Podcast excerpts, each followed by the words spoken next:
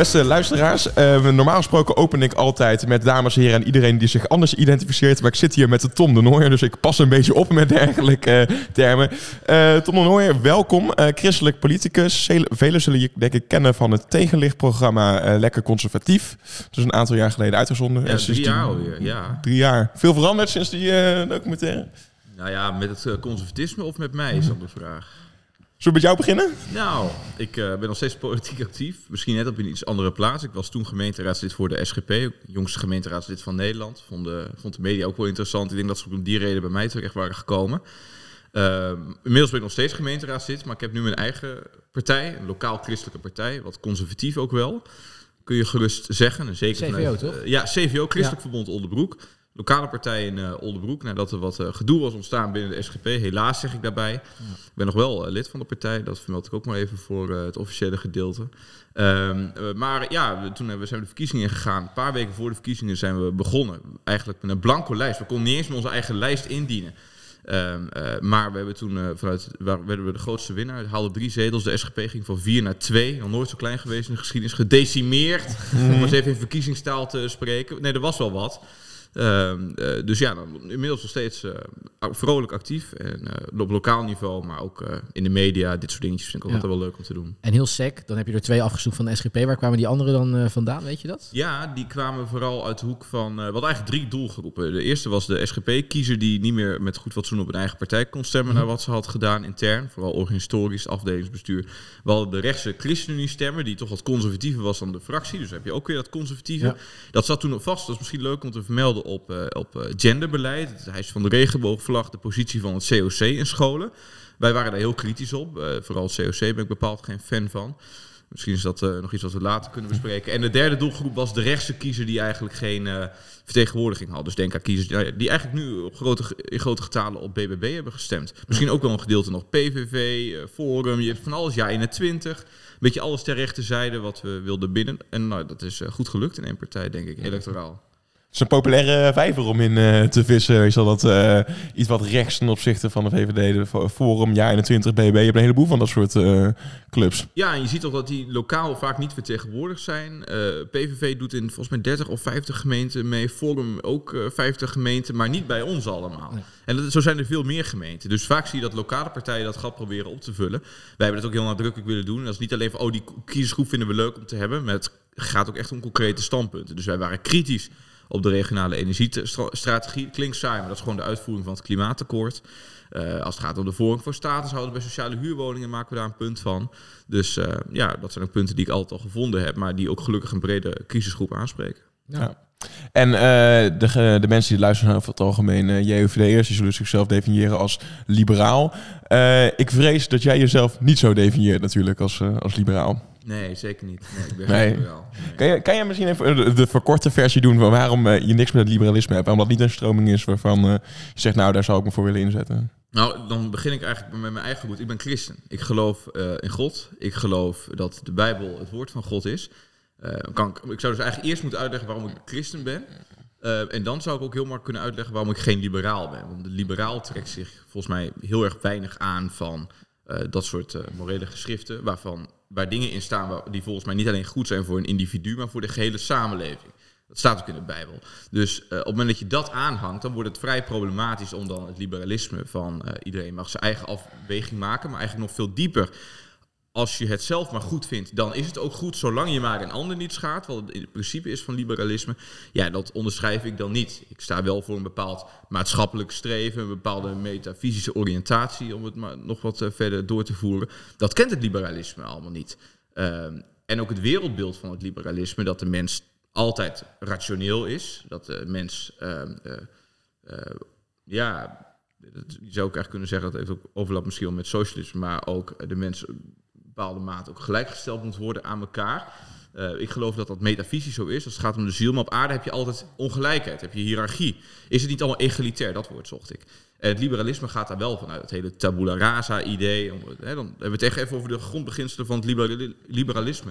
Dat onderschrijf ik niet. Ik geloof dat niet, dat het allemaal zo maakbaar is. Ik geloof veel meer in een bepaalde scheppingsorde die doorwerkt tot vandaag de dag. En wat ook heel erg verstandig is om daar naar te handelen. Ja, Dat is misschien allemaal wat, wat meer op filosofisch. eh, we kunnen het zo concreter maken met allemaal En waar, thema's. waar, daar ben ik wel benieuwd naar, waar past CVO in dat, dat spectrum? Want eh, SGP is natuurlijk een conventionele partij, dus Ja. een, een vrij specifieke lezing. eh, hè, ook hè, wat je zegt, dat, dat kader wat jij wenst, waar, hè, niet helemaal rationeel, dus iets van een kader is fijn. Dat is een vrij specifiek kader. Wie bepaalt dat en, en waarom is dat precies jullie lezing? Sorry, dat we, dat we een conventionele partij zijn? Ja, dat is mijn vraag. Zijn jullie een conventionele... Ja, ja, ja, we zijn een christelijke partij. Ja, ja. ja. Ja, oké, maar je hebt natuurlijk CDA, dat is een christen, dat is een christendemocratie, dus dat is wel weer anders. Die ja. zijn een soort van samensmelting van. Hè, die hebben misschien iets meer liberalisme binnen de stroming. Van ja, oké, het maakt niet uit op wat voor manier je precies christen bent. eh, zolang je daar op, op, een, op een christelijke manier invulling aan geeft, eh, vinden wij dat oké. Terwijl ik denk dat jullie daar iets strakker in zitten, toch? Dat we daar iets. Ja, ik zie het CDA ook dus niet als een christelijke Nee. partij. Dat is echt goed om dat onderscheid te maken. Dat is misschien ook wel interessant voor de luisteraar van... Joh, hoe zien die christenen dat nou zelf onderling? Ik zie een heel... Kijk, ik zou nog kunnen zeggen... de SGP is nog specifieker, want die is eh, protestants-christelijk. Zelfs. Ja. eh, gereformeerd. Staatsgereformeerde partij. Gereformeerd. De drie formulieren de enigheid voor de theologen onder ons onderschrijven. Zei ik zal het nu, ik zal het verder niet uitdiepen. Eh, wij zijn een protestants-christelijke partij. Dus wij proberen de. En dat is in Oldenbroek eigenlijk 100% van de christelijke bevolking is ook protestant. Dus weinig katholieken, om, rooms-katholieken, katholiek ben ik ook.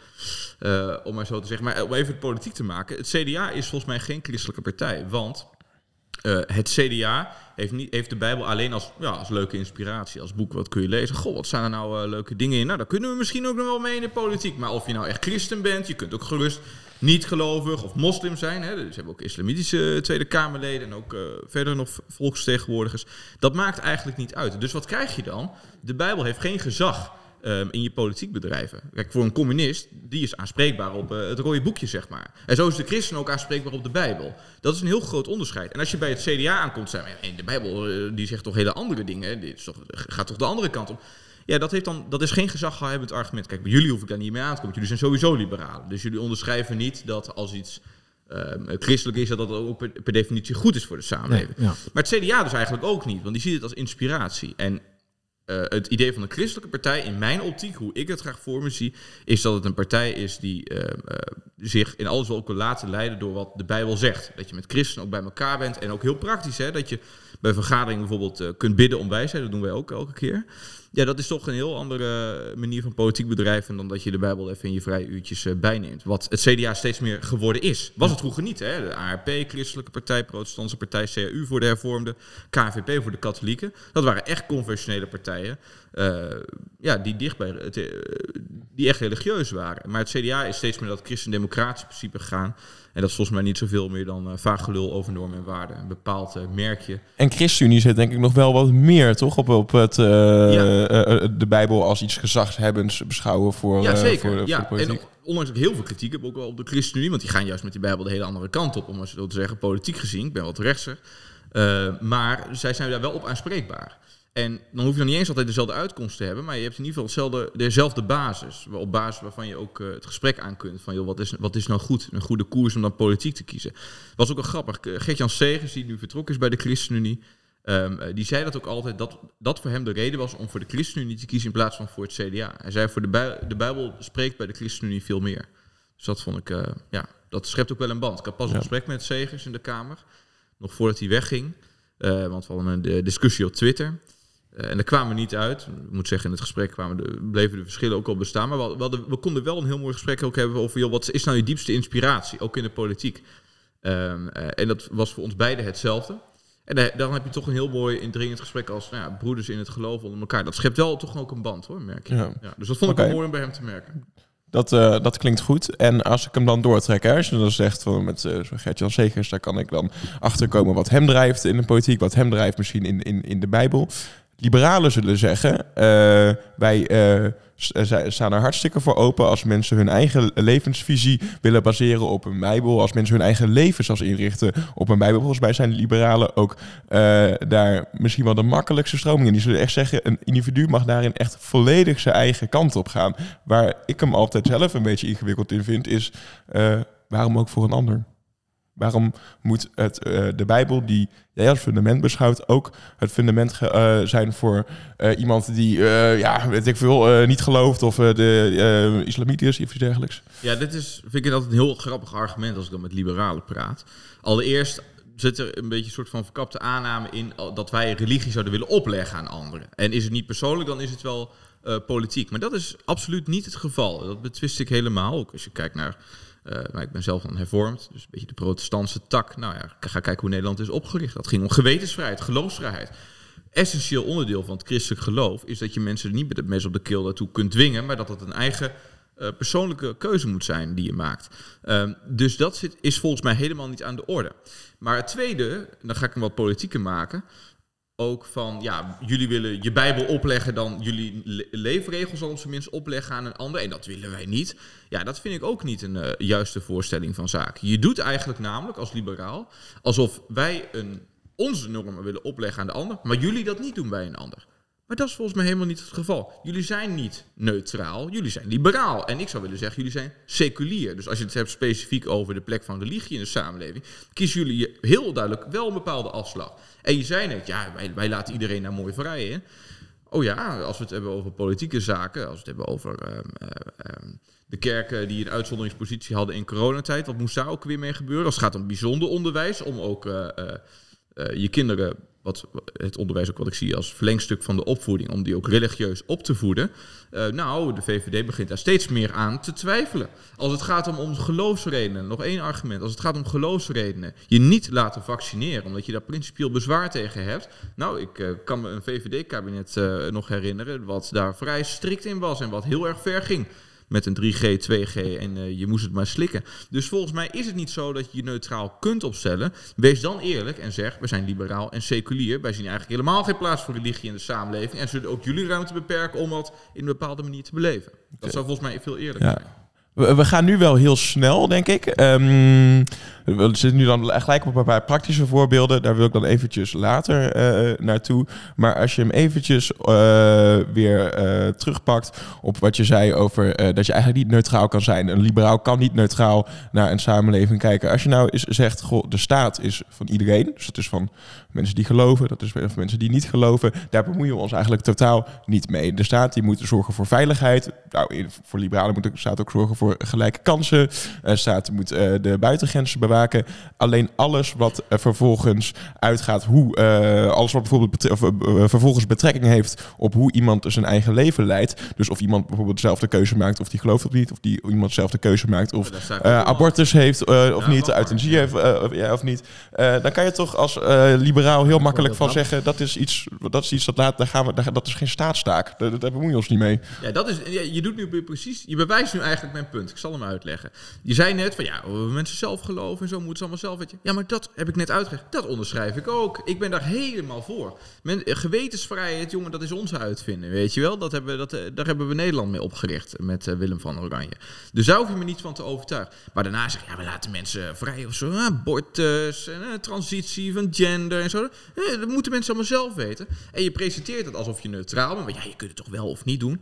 Maar dat is niet eerlijk. Dat is, dat is, dat is, ik zou niet willen zeggen vals, want daarmee beticht ik je van valse eh, of van verkeerde intenties. Maar het is wel een onjuiste voorstelling van zaken.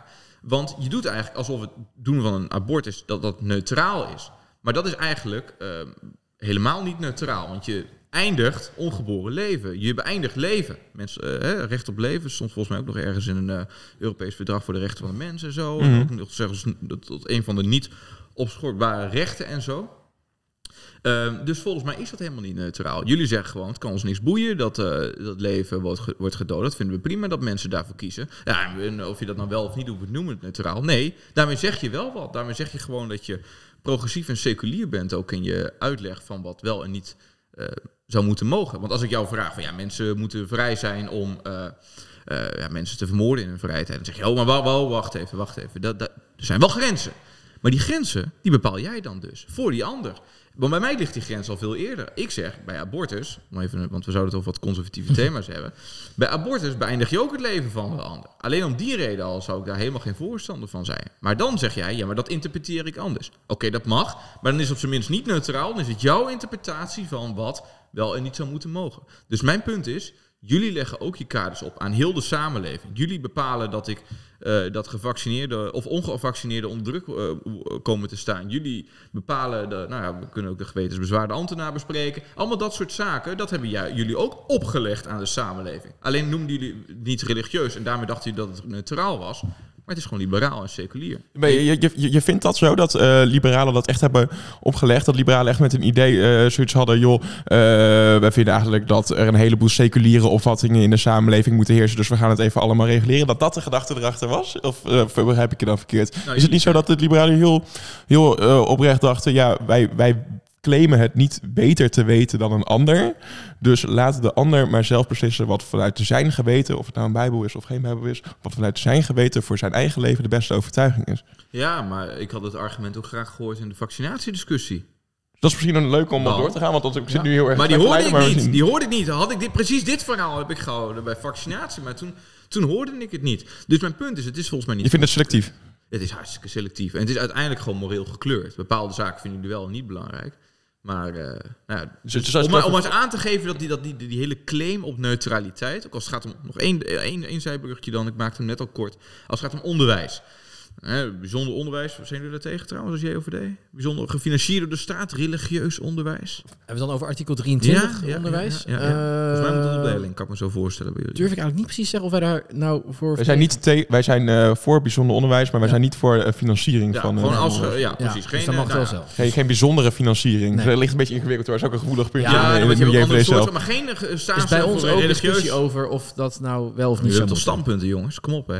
Maar, eh, Zeker. Dus, en nou zeker, wij hebben absoluut standpunten. Dat, ja, eh, Als je mijn persoonlijke stand vraagt, dan wil ik dat het weggaat. Artikel 23 uit... eh, Exact, ja. Dat is mijn persoonlijke mening. En wat is dan vaak het argument, om, eh, los van de hele discussie over artikel Ja. 23, maar dan zeggen jullie, ja, maar hallo, het is religieus onderwijs. Wij zijn voor Nee, neutraal nee, ik ben ook tegen forumscholen en dat soort onzin. Oké, nee, dat is consequent, maar dat, dat, dat is nog steeds hetzelfde argument. Want jullie zeggen, ja, dat is allemaal hè, ideologisch en zo, en religieus. ik zou ook voor Darwin-theorie eh, scholen zou ik ook niet voor zijn. Nou, Dus- nee, maar eh, ik zal hem even afmaken. Want Allemaal sorry. dat ze- of het nou forumscholen zijn, of, of, of religieuze, SGP-achtige schooltjes, die moeten het niet zijn, want die zijn allemaal super gekleurd. Wij staan voor de, gewoon, hè, de neutrale staat, die gewoon hè, leert rekenen en eh, taal en zo. Dan doe- je dat lekker allemaal in je vrije tijd. Alleen punt is, volgens mij krijg je met de VVD aan het roer, een heel recent voorbeeld, ook heel veel eh, ideologisch gekleurde eh, informatie op scholen. Denk aan de Week van de Lentekriebels. Denk aan de Rutgers Stichting. Denk aan een bepaalde uitleg over, over gender en geslacht. Er zijn niet in de tweede genders. Nee, er is een hele lijst. En dan mensen die er wat tegen in willen brengen. Ja, dat is gekleurd vanuit jullie christelijke overtuiging. Maar wij, vanuit de, we de wetenschap altijd vaak. En, en, de overheid. Gaan jullie nu even vertellen Maar hoe het zit. Maar zijn heel erg totalitair best wel in die dat gedachten. ben ik niet helemaal eens, want dan vinden we toch eigenlijk hetzelfde dat het onderwijs zo neutraal mogelijk is. Want ik kan me er heel erg in vinden, ook in dat punt toen met, hè, met die week van de lentekriebels, eh, dat ik mezelf ook wel eens de vraag stel van, joh, bij welke leeftijd zou je dit nou wel of niet moeten doen? Op een gegeven moment moet je het doen. Kijk, kinderen zitten tegenwoordig op TikTok, dus ze zien alles, dus je kunt maar beter ook gewoon goed uitleggen voordat het misgaat. Ja, maar Anders de komen bij abortus. is echt wel wat anders. Ehm, nu. alleen, volgens mij zijn we in beginsel komen van dezelfde kant. Dat we vinden dat zo neutraal mogelijk moet zijn. En artikel 23 scholen zijn Nee. gewoon niet neutraal. Nee, dat vind ik... Dat, Geen, geen kritische burgers, Nee, vind maar- ik. Ja, dat is dus gelul. Dat is echt gelul. Want de, de, de Leg komt, het, komt dus, het komt dus allemaal voort. Ik maak hem nog één keer en dan heb ik hem vaak genoeg herhaald. Uit de gedachte dat als we dat allemaal weghalen, die SGP, Forum, eh, islamitische schooltjes met allemaal rare dingen, al dat traditionele gedoe, dan houden we de, de, de, de mooie scholen over zoals het eigenlijk bedoeld is. Die kunnen we gerust geld geven. Maar ja, die moeten we dan wel even seksuele voorlichting geven. Ja, Rutgers Stichting komt erbij, COC komt erbij. We, jullie mogen de lessen geven op scholen. En dat is ook heel erg eenzijdig en ideologisch gekleurd. Mijn punt is dus niet dat het zo neutraal mogelijk wil zijn. Mijn punt is, wees eerlijk over wat je wil. Erken dat je eigen boodschap ook ideologisch gekleurd is, maar gewoon een heel andere richting op wil. En ik ben ervoor. Ik ben ervoor dat dat, dus als je dat onderkent, want het is allemaal wel ideologisch gekleurd. Ik ben ervoor om dat wel toe te staan, omdat ik, maar dat is, heeft te maken met mijn Ja. visie op onderwijs. Ik zie dat als verlengstuk van de opvoeding. Eh, dus eh, iets wat ouders uit handen geven aan een bepaalde school, die ook eh, onder direct gezag staat ook van de inspectie en, en de staat, dat je daar ook wel nog je bepaalde normen en waarden eh, mee mag geven. Ja. Omdat het denk ik sowieso gebeurt. Dat die neutraliteit bestaat dus Die eigenlijk. neutraliteit. En oké, want dat is een interessante, want daar zitten we dan op een verschil. Die neutraliteit bestaat niet. Eh, als, wij, als, wij eh, als je een eerlijke visie wil, onze visie is: eh, het ene individu weet het niet beter dan het andere individu. Iedereen heeft echt recht op zijn eigen waarheid, op zijn eigen fundament, op zijn eigen bron waar hij zijn leven op baseert. En of dat een Bijbel is of het een, een Koran is, het maakt mij echt niet uit. De grens is.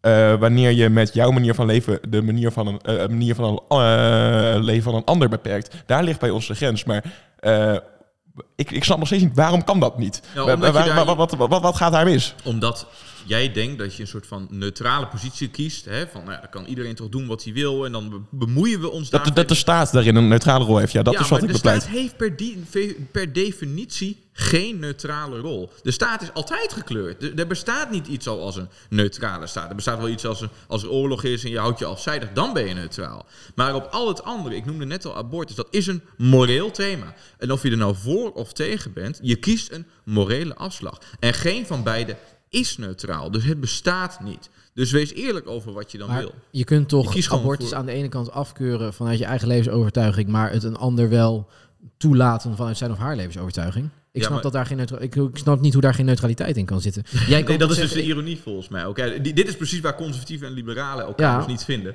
Want ik zeg, ja, jullie zeggen dan moreel gewoon dat het prima is om leven te doden, terwijl jullie dat in een andere context helemaal niet prima vinden. Dus dat is selectief.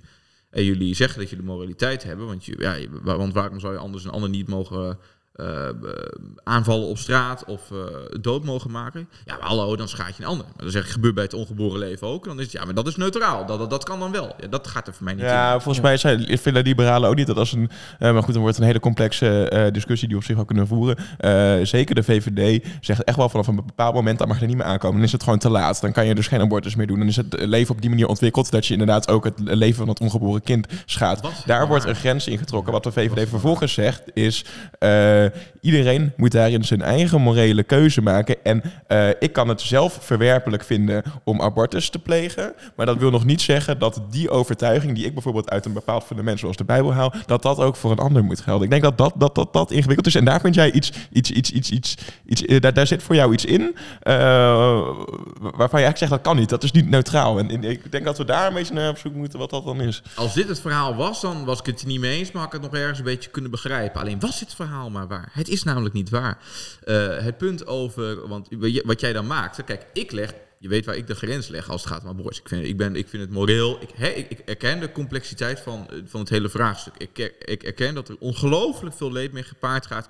En dat als ik het voor het zeggen heb, ehm, er niet al het leed aan de wereld uit is. Ik ben ook een conservatief die gelooft in een gebroken wereld. Alleen al vanuit mijn christelijke visie, zondeval en zo, Genesis 3. Ik zal het eh, de theologen Ja. erom besparen. maar ik geloof dus dat er gebrokenheid is in de wereld. En dat ook als ik aan de macht, eh, aan alles zou mogen bepalen, bij wijze van spreken, dat het dan niet is opgelost. Alleen ik, eh, ik heb wel een heel duidelijk moreel kader. En ik weet waar dat begint. Ik geloof dat het vanaf, vanaf de conceptie inherent waardevol is op dat, le- dat leven. En dat ik het dan ook wil beschermen. Ondanks dat er dan nog heel veel complexe situaties overblijven. Maar jij, jij bent dus gedwongen om ergens anders de grens te leggen. Want jij ligt er niet bij de conceptie. Dus ja, wat, wat komt er dan? Wat, wat zei je net? En nu, nu wordt het interessant. Jij zei ja, eh, vol, volgroeid of zo- zoiets. Oké, dan hebben we het dus over de wekengrens in Nederland. Ja. 22 tot 24 weken. Dat is waar we het over hebben. Ehm, en je zei van ja, dus op een gegeven moment volgroeid en zo. Ik zou je even helpen wat, wat dat concreet is. Dat betekent dat hoe is destijds die leeftijd vastgesteld? Onder de, die, eh, die, die wekengrens was het niet mogelijk om met de wetenschap of met medische eh, tools en technologie om dat leven te redden. Er was namelijk niet levensvatbaar. Levensvatbaarheid is de grens.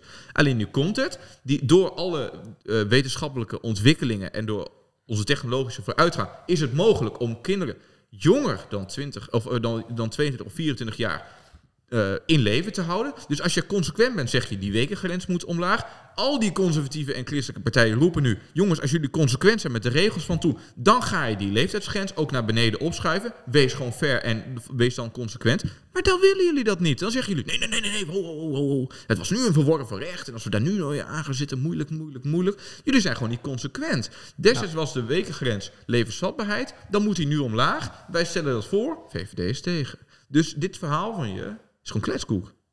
Dus daar is het oké. da- daarin kunnen, want anders eh, va- vervallen we in een hele eh, eh, lange wederzijdsdiscussie. Daarin zit denk ik dan een, een, een, een verschil in hoe we erover denken. Eh, anders blijven we te lang bij abortus zitten. Want Ja, dat was maar tweede... hoe zit het dan met die wekengrens? Want dat Nou, ik ben daar persoonlijk, als je dit zo zegt, ik, heb, ik weet het fijn niet van, daar zou ik persoonlijk Nee, weet, zijn. dan dan krijg je een technische discussie. Daar moeten we een beetje voor opletten. Ja, Maar ik heb nog wel één vraag, Ja. eh want ik, daar zou ik op zich als liberaal dan prima voor zijn, als de wetenschap, want ik geloof heel erg in de Oké wetenschap. jongens, dus, de JOVD eh, wil de wekengrens omlaag. Nee, we hebben ik de steun niet, te pakken. nee, was het maar zo'n feest dat ik de JOVD was, maar dat is het, Nou, eh, zo werkt het gelukkig helaas niet. Wij hebben geen bestuursvoorzitter. alleen hier.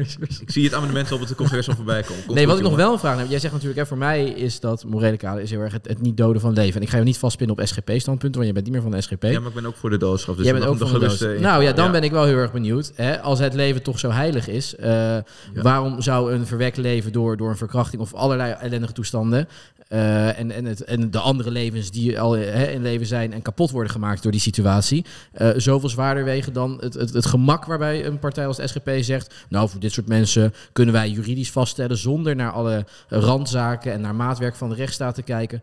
Voor dit soort types kunnen we de doodstraf invoeren. Twee redenen. Het, eh, het, eh, het leven wat bij abortus niet zou worden weggehaald, maar zou worden gedood, is onschuldig. En het leven van een moordenaar, want alleen in die gevallen zouden wij eh, voor de doodstraf zijn. In hele heftige gevallen, de terroristische aanslagen, denk aan die orde. Dus dat gaat echt om uitzonderlijke situaties. Dus dat is niet zoals we het in Amerika kenden, zelfs volgens mij voor zelfs drugsvergrijpen, waar mensen wel eens eh, voor... eh, Ja. In ieder geval, daar zijn we het niet voor. Dus kijk vooral niet naar Amerika Maar- om te zien hoe het wel moet. Ik maak hem even Ja, af. zeker. Eh, dus bij abortus is het leven wat gedood wordt onschuldig. Bij eh, de doodstraf gaat het om iemand die zich echt vergrepen heeft aan het leven. Die het leven van anderen heeft beëindigd. Heeft, Mensen heeft vermoord. En het onderscheid, dat is dus het onderscheid 1. Schuldig en onschuldig leven waar we het over hebben. En het onderscheid nummer 2 is ehm, dat het bij abortus in de civiele context eh, plaatsvindt. Dus als, eh, nou als moeder zou je eigenlijk kunnen zeggen. En waarbij eh, de doodstraf gaat om de staat die eh, mensen ter dood veroordeelt. Ja. En dat is heel wat anders. Wij, jullie, we zitten in een mooie, prachtig, prachtige ruimte van Ja. de UvD. Jullie mogen mij hier niet opsluiten voor Nee. een paar dagen. Dan hebben jullie toch gewoon een probleem. Je weet nog niet hoe lang deze podcast gaat duren. Nou, ik Met alle maak het- thema's die we nog... Ik Er hoor al iets met een marathon. geweest. Ik maakte me al zorgen. Marathon 24. Nou goed, we gaan kijken hoe lang het volhoudt. Nee, maar kijk, dus jullie snappen het verschil. Jullie mogen mij hier niet opsluiten. Maar als jij eh, gestolen hebt of weet ik veel wat, dan kun je de Ja. bak in draaien. De staat mag het wel. Dus ik geloof dat dit ehm, eh, ook onderdeel kan zijn voor de, eh, van de bevoegdheden. Ik zou kunnen zeggen de zwaardmacht van de staat. Eh, maar volgens mij is het ook één en hetzelfde. Want jij probeert aan te geven, ja, er zit een inconsequentie in. Nee, juist omdat ik het leven zo waardevol vind. En ook vind, dan moet ik toch de liberalen aan mijn kant moeten vinden. Dat veiligheid kerntaak nummer één is. Law and order, rechtsstaat. Als je anderen op die manier wat aandoet en zelfs het leven ontneemt. Juist omdat ik dat, dat zo ver- verwerpelijk vind en het leven zo hoog heb zitten, kan daar ook de ultieme straf op een gegeven moment Ja. tegenover staan. In uitzonderlijke situaties. Maar- Denk aan de tramschutter Ja, ja, ja nee, oké. Helder. Ik denk dat die helder is. Ik vraag me dan heel erg af, ga jij dan niet een beetje op de stoel van God zitten? Dat jij bepaalt wanneer het wel en wanneer het niet oké is om te doden. Nu even heel, want- heel, heel Nou ja, diep gezucht, Als, dus als, elke, als elke schepping nou zo uniek is en zo mooi is en, en, en door God gegeven is, eh, hoe kan jij dan als simpele sterveling gaan bepalen in welke situatie doden wel of niet gerechtvaardigd zou Ja, kijk, de mens heeft natuurlijk niet alle wijsheid in pacht. Daar zijn we met z'n allen gelukkig nog wel ergens over Ik zou bijna willen zeggen dat wij als liberalen daar dan nog misschien wel goddelijker in zijn. Dat wij zeggen de, hè, de, de vrijheid van het Nou. individu, de, de onaantastbaarheid van het lichaam, het heilige daarvan is zo groot dat je dat dus niet mag doden. Zelfs niet bij een terrorist als je de doodstraf zou Ja, willen dat, invoeren. nogmaals, hè, maar dan kom ik weer terug. Dan, zou, dan zouden we eerst abortus moeten verbieden en dan praten we verder. Maar goed, dat, ik zal Die hem abortus, daar gaan we het niet over eens worden, vrees ik. Laten. Nee, maar dat is wel leuk om. eh, Maar goed, ik zal, ik zal even concreet antwoord geven op je vraag. Anders blijf ik telkens dezelfde bruggetjes maken. Die volgens mij allemaal waar zijn, maar daar gaat het me even niet om. Maar ik vind het Eh, interessant, dus doe maar. Ja, nee, maar ehm, als het gaat om de doodstraf, zeg je van ja, ga je eigenlijk niet voor God spelen op het moment dat je dan hè, met, met mensen met gebrek kennis, God is al weten, hè, als die zou bestaan. Ik weet niet of jullie erin geloven, maakt het niet uit. Maar ehm, eh, we moeten daar heel terughoudend in zijn. Ja, oké, op zich terecht. Dus we gaan ook niet een doodstraf doen ehm, op het moment dat we, nou, we, denken vrij zeker dat hij het gedaan heeft. Ja, dan, dan doen we dat natuurlijk niet. Dus dat soort situaties zou je uitsluiten, omdat als je de doodstraf oplegt, dat is eigenlijk de enige straf die in die zin onomkeerbaar is. Hè? Als Ja. de trekker eenmaal is overgehaald, bij wijze van spreken, dan is het ook gebeurd. En Ja. dan is ook geen schadevergoeding meer aan de persoon in kwestie te geven. Maar het tweede is dat de overheid wel een bepaalde bevoegdheid heeft. Die is anders dan wij als mensen. Dus wij als mens gaan niet voor God spelen, wat jij suggereert. Nee, het gaat om de staat. Ik mag als persoon niet iemand de doodstraf opleggen. Ik ben tegen dat hele eigen rechter eh, verhaal. Ja. Dus het gaat om de staat. En ik geloof, maar dat is ook vanuit mijn christelijke visie, Romeinen 13, dat de staat ook het gezag van God heeft gekregen. Om eh, eh, de, de ongebondenheid van de mensen te bedwingen. Eh, dus ik, geloof, ik geloof, ik ben geen anarchist. Ik geloof dat je, het hebben van een staat in principe goed is. Ja. Maar dat is, dat is wel interessant. Jij zegt dat de, staat, dat, dat de staat haar gezag door God heeft gekregen. Een heleboel liberalen zeggen, nou, de staat, in ieder geval mijn staat, heeft niet, eh, is niet van God gekregen. Dat die, de, de, de macht van de staat is gekregen bij gratie van het parlement. Degene die verkozen zijn. Ja, en ik denk dat we dan een ja, heel denken interessante eh, verschil hebben tussen liberalen en, en, en, ja, christelijke politici te pakken hebben. Ja, en jullie Want dan denk ik van, ja, maar hoezo is nou weer de staat gegeven door, door God? Ik geloof daar niet in. Dat is toch mijn... Je zegt net zelf... Dat geloof ik, hè? Ja, ja, ja, goed. Maar je zegt zelf, eh, ieder, eh, we- gaan mensen niet met een mes op de keel dwingen om christelijk te zijn. Maar vervolgens moet wel, de staat nou, moet wel, vanuit, moet, moet wel vanuit God ge- eh, gekomen zijn. Dus, dus Nee, ja, maar jij hoeft het toch niet te onderschrijven om alsnog eh, gekozen te worden in het parlement en je werk te doen. Of zelfs in de regering te zitten. Het is gewoon mijn persoonlijke overtuiging dat ik geloof dat alles wat we hier eh, beneden op aarde uitspoken en rotzooien, dat er altijd eentje is die, de, die erboven staat en die het uiteindelijk niet uit de hand loopt en uiteindelijk beslist. En dat hij uiteindelijk eh, de baas is. Dat is wat ik eh, in simpele taal eh, oké. Ja. van, van overtuigd ben. Jij hoeft het Ja. niet te onderschrijven, dat maakt niet uit. Nee, gelukkig maar. Ehm, alleen dan, eh, want die vind ik, een- dat vind ik een interessante, die doodstraf. eh, daar, daar, ik weet niet, de SGP is daar niet voor, toch? Ja, Eh, zeker. Enige oh, zeker. enige partij, eh, ook. Ja, enige in het parlement. Ja, die eh, voorstander is. Maar ik, heb nog, ik heb dat nog nooit daar een discussie over eh, gezien. Maar? Meestal eh, komt het altijd ja. eh, in Dan- het nieuws dan- op het moment dat het verkiezingsprogramma van de SGP is. Dus trouwens leuk om jullie een beetje bij in te wijden. Ik ben eh, ja, toch wel eh. Wordt er ieder geval geen debat over gevoerd. Maar dan, eh, dan zijn ze daar dus voor. Oké, dat, vind ik, eh, dat vind ik een interessante. Maar dan Er die wordt vak- altijd een discussie over gevoerd als je nog nooit hebt meegekregen als die verkiezingsprogramma's worden vastgesteld. Ja. Bij de SGP is altijd een punt, het staat in het beginselprogramma, maar neem het ook op in het verkiezingsprogramma, ja of nee. Er zijn altijd afdelingen die daar wel en niet voor zijn, dus dan, je kunt er genoeg Ja. mediaartikelen over vinden. Zoiets. En dan dan wat we blijven even op die ethiek zitten, dan die vaccinatieplicht. Want daar viel je heel erg over. En Ja, daar maakte je toen een bruggetje over. Maar toen ging het weer over abortus en kwamen we weer in alle andere discussies terecht. vaccinatie. Zo'n vaccinatieplicht. Eh, dat is iets waar liberalen volgens mij ook altijd in een tweestrijd met elkaar zitten.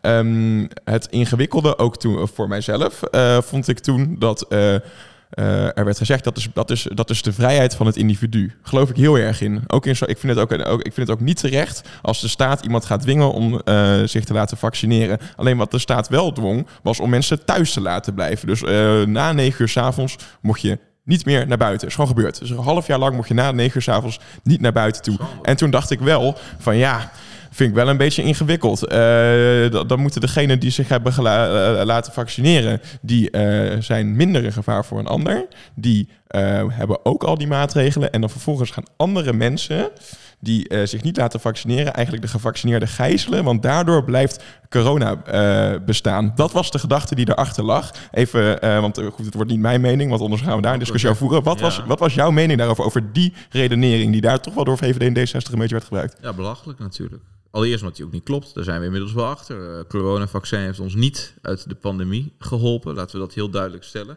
Het hele verhaal, verzonnen verhaal, dat we het voor een ander deden, is ook onjuist. Daar is het vaccin namelijk helemaal niet op getest. Heeft misschien wel iets een effect gehad op de transmissie en zo. Maar Dat was wel de legitimatie voor dat corona toegangsbewijs trouwens. Absoluut, Ja. absoluut. En, stel dat was even, stel dat was waar geweest. Ja, stel dat was.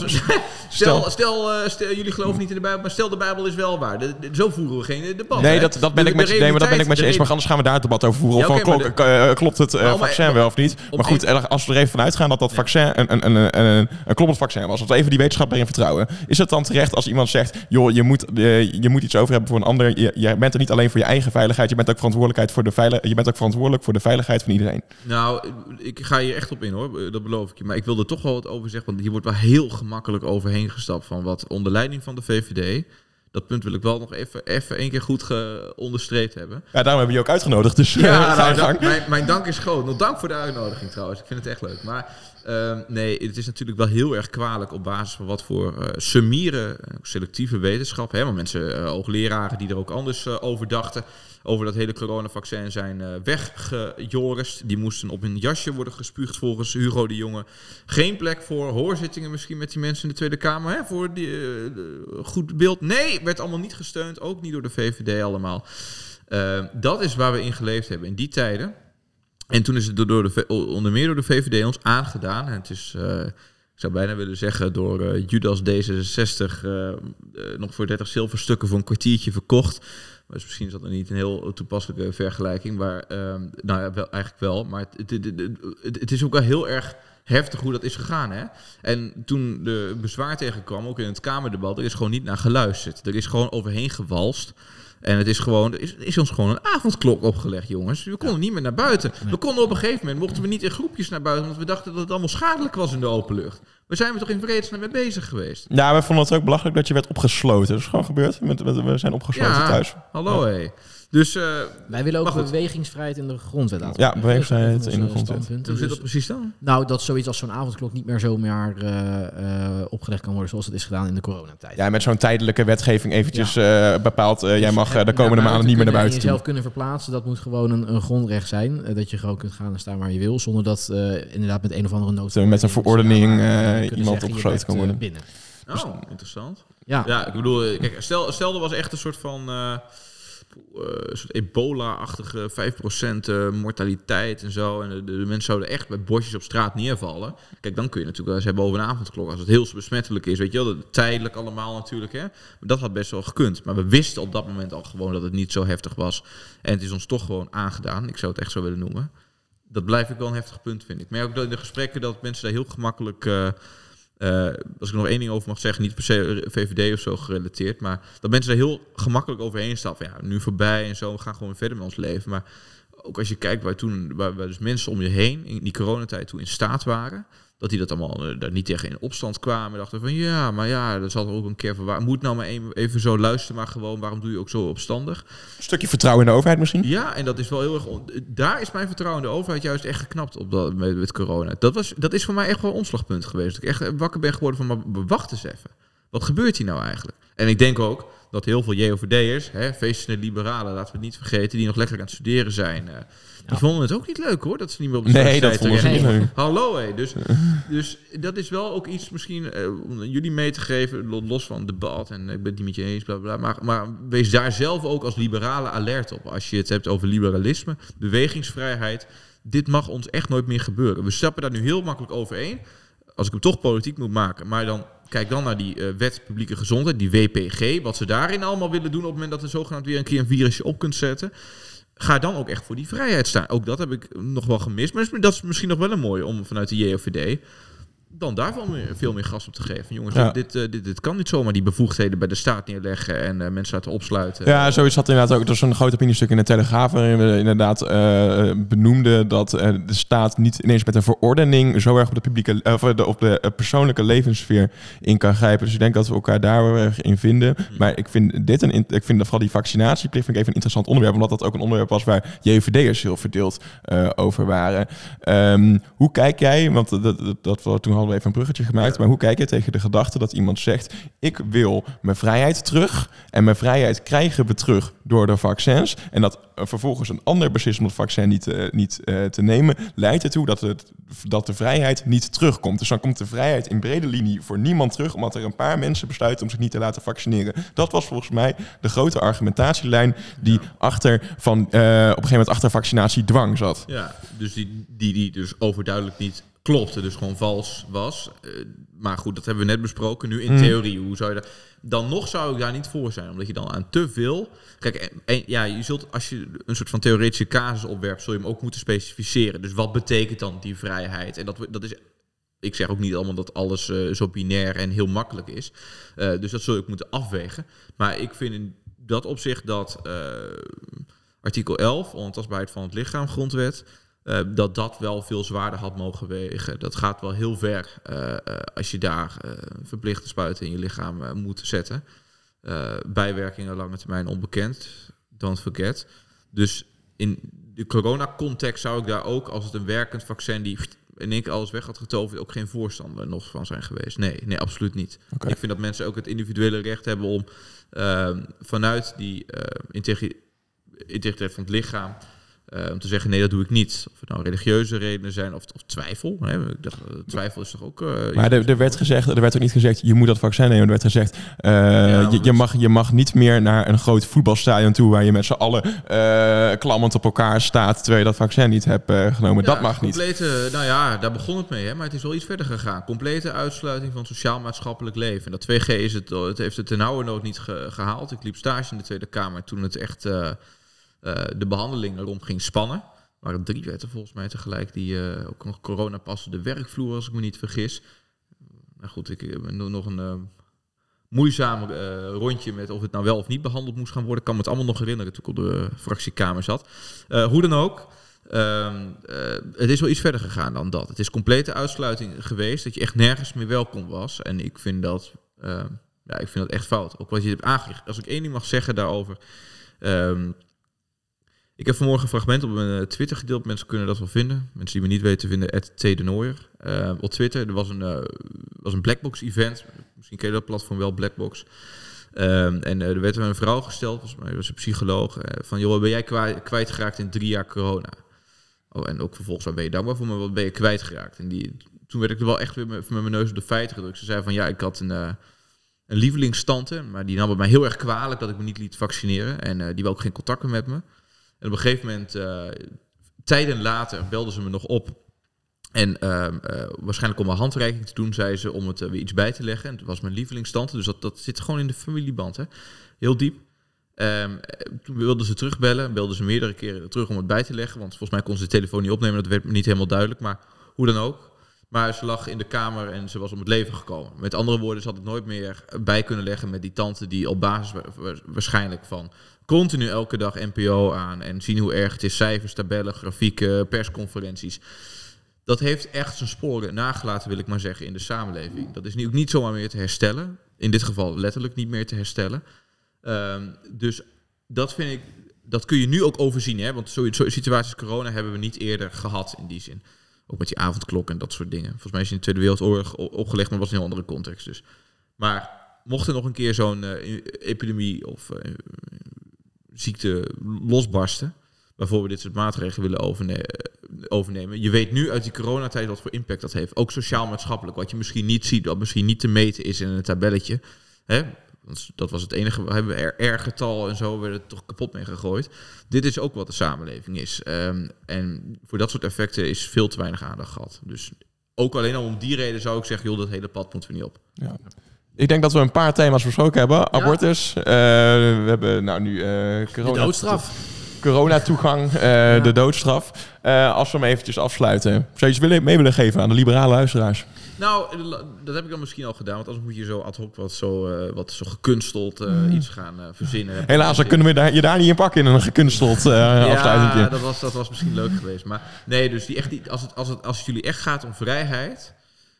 bepleit dan ook de vrijheid om misschien af te werken van het dominante narratief. En dat kan dus eigenlijk heel breed zijn. Als het gaat om vaccinatie, uh, als het gaat om bepaalde opvattingen die je misschien huldigt over huwelijk of gezin of weet ik veel wat, wat misschien als ouderwets, hè, wie bepaalt eigenlijk wat ouderwets is, dat, is, dat kun je dan vragen. Maar dat dat dan ook echt vrijheid is voor iedereen, niet voor een selectieve groep die alleen maar de moderne opvattingen huldigt of de staatsopvattingen huldigt van laten maar prikken en dan uh, eh, loodsen wij u uit de crisis. We pleiten dan ook vrijheid voor iedereen, want dat is volgens mij een uh, goed begin van echt liberalisme. Dus uh, beste luisteraars, niet alleen diegenen de vrijheid gunnen die op je lijken, anders dan uh, moet Tom de Nooijen nog een keertje langskomen ja, bij de precies, podcast. dan kom ik het wel weer uitleggen. nee, helemaal goed. Ja. Superleuk. Tom, bedankt ja, voor, je, voor je bijdrage. Graag gedaan.